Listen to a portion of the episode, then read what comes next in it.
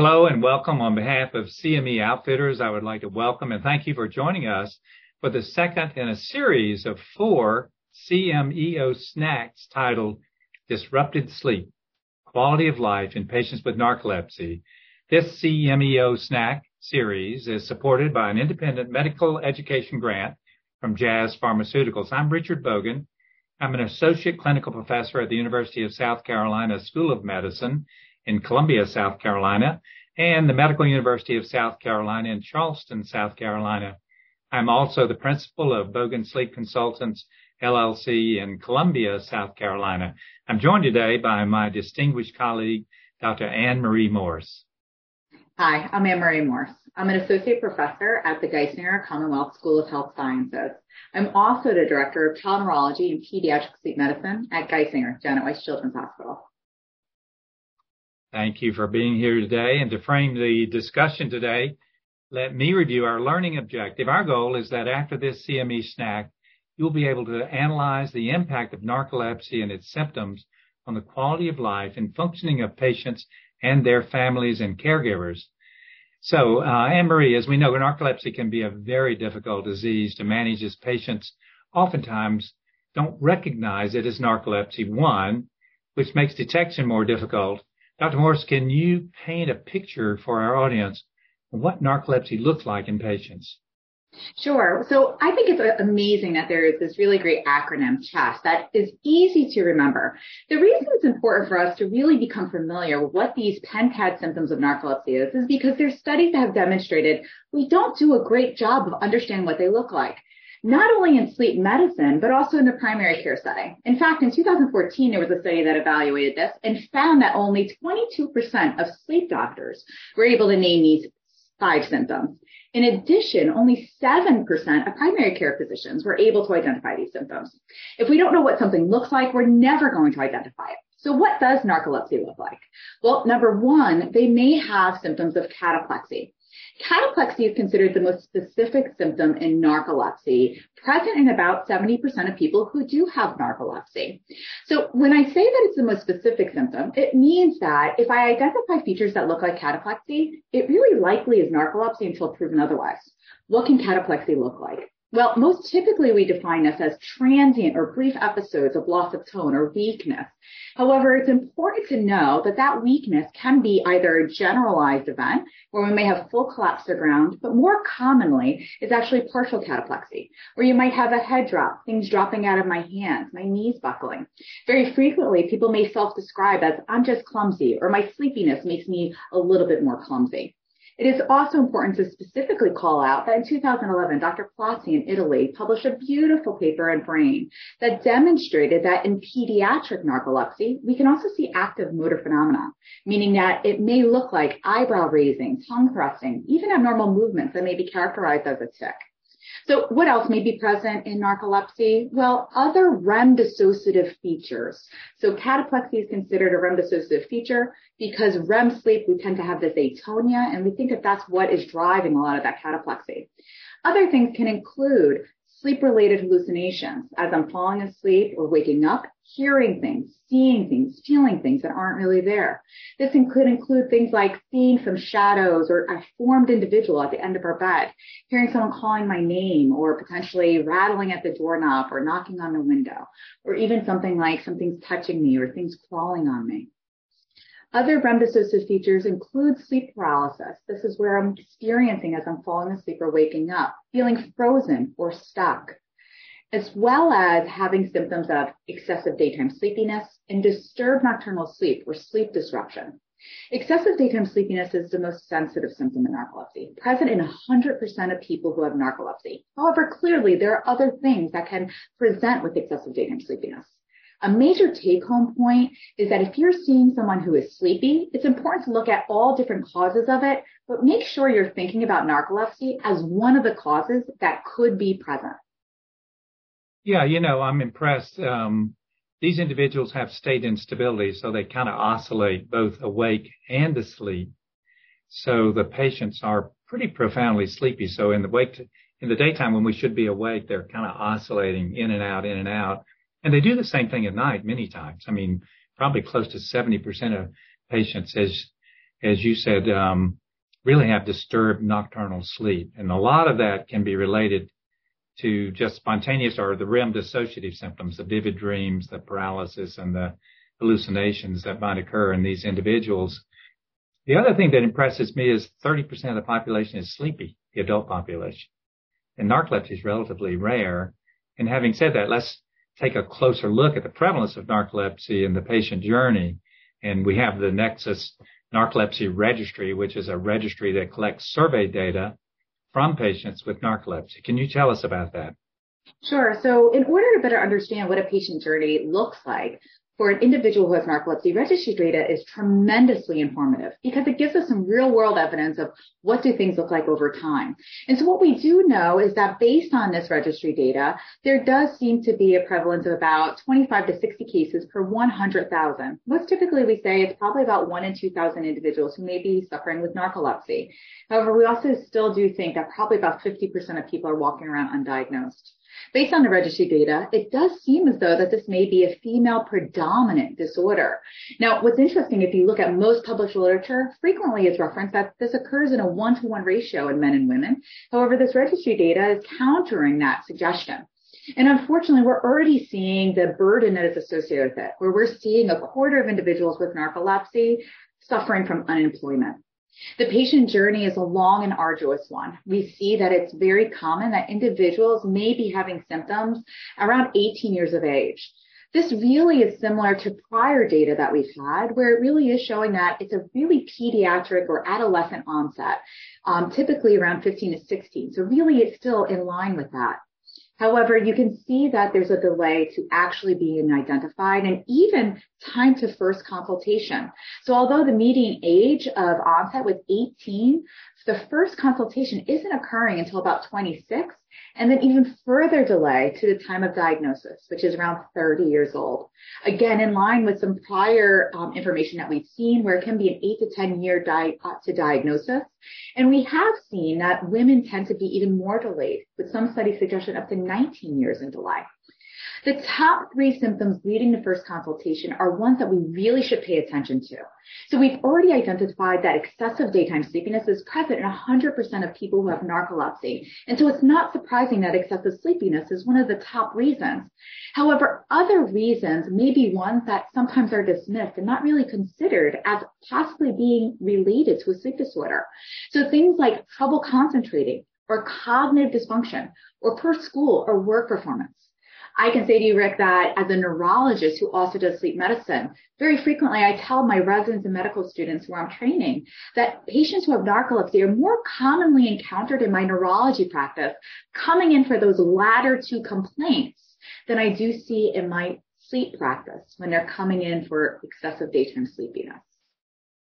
Yeah, it reminds me of my biggest referrer, and I've, I've told you this before, was uh, a an expert in attention deficit disorder and sleepy people have attention problems. Now some of them do have ADHD, but but um, the point is is that sometimes, particularly in the young individuals, they don't really know that it's sleepiness or quantitatively they don't know how sleepy they are. So um, it, it can be difficult to diagnose unless you really dig in because it's again relatively rare and there are a lot of sleepy people out there.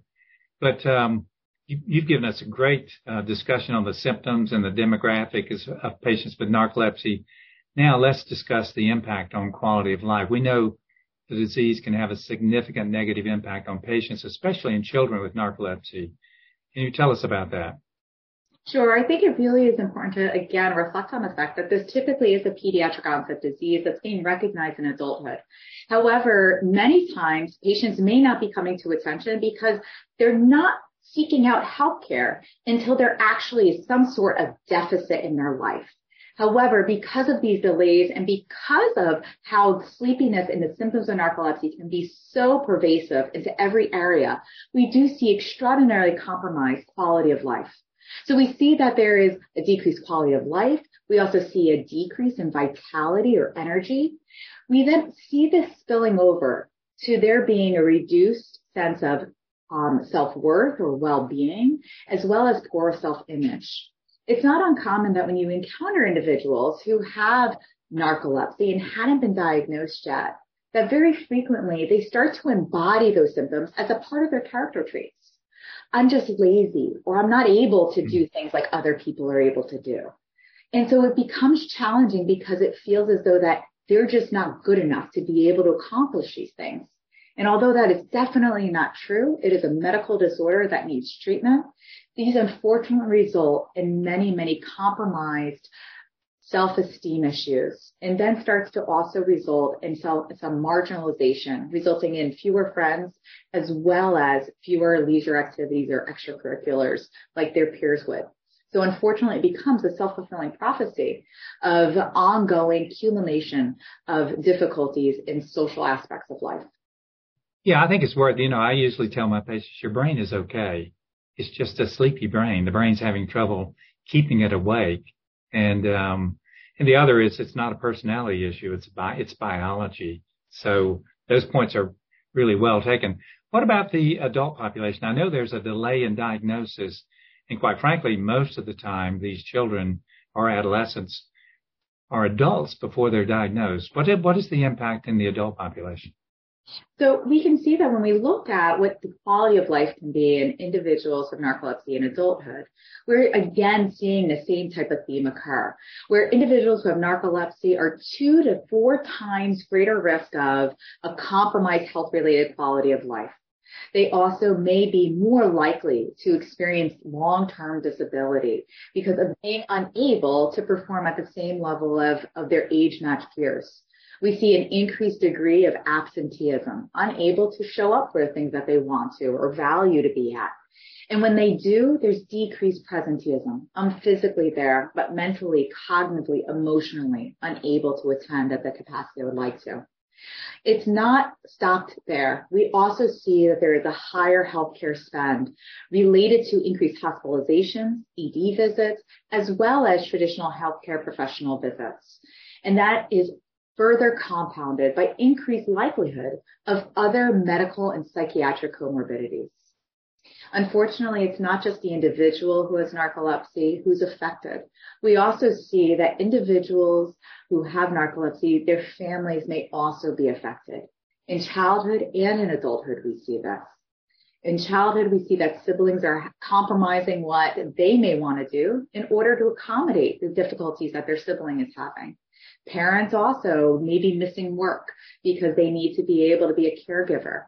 When we get to adulthood, we sometimes see this same type of caregiver burden being taken on by not only the children of an individual who may have narcolepsy, but also a significant other. And so it really does permeate across the family and unfortunately is one that sometimes is overlooked.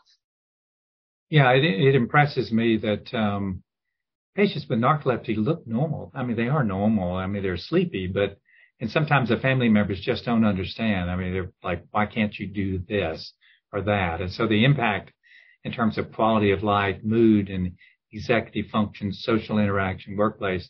Yeah, you've explained that very well. What we also know is that patients with narcolepsy, and particularly type one, where they we know they have low orexin levels, but this, this physiology of orexin being the neuropeptide that controls sleep-wake processes and hypothalamic pituitary axis and so many things that happen uh, in our circadian process as we're awake in the day and sleep at night, uh, we're beginning to understand that there are comorbidities. Can you discuss those? Sure. So I think it really is important that if we're going to talk about taking care of an individual with narcolepsy, we need to take care of the whole individual. And so there have been studies that have been done utilizing health claims data and doing an analysis of individuals who have narcolepsy compared to um, case matched controls or individuals without narcolepsy. Trying to better understand during their medical journey, is there a higher likelihood of them experiencing or encountering other diagnoses as we're evaluating claims data? And so based on some studies that have been done, I have looked at overall medical burden and specifically looking at potential for cardiovascular risk. What is being suggested is that there's an increased likelihood of things like psychiatric comorbidity, mood disorders, depressive disorders, anxiety disorders, As we've just described, with all the compromised quality of life, self-esteem issues, potentially interpersonal relationship difficulties, it's not by surprise that there would be these types of emotional challenges that one may encounter. And so it is important to recognize those and consider them when you're treating an individual. Other things that may be seen include other um, uh, sleep disorders, such as sleep apnea. And it is important for us to think about that, especially as a sleep doctor, because of the fact that you may diagnose that first. So thinking about that persistent sleepiness in someone who has sleep apnea is really important, especially recognizing that other risk factors can be present, like obesity. Now, seeing that there are these other medical comorbidities like sleep apnea and obesity, it does make sense for us to look at cardiovascular risk because the fact that we already know that those are independent risk factors. And so trying to understand a relationship between narcolepsy and cardiovascular health becomes really important. Based on this insurance claims data, what we're seeing is that there may be this increased risk for things like stroke, heart failure, and other cardiovascular disease. And so therefore it is really important to think about the whole person and consider these other cardiovascular components as well as other modifiable risk factors like sleep apnea and obesity.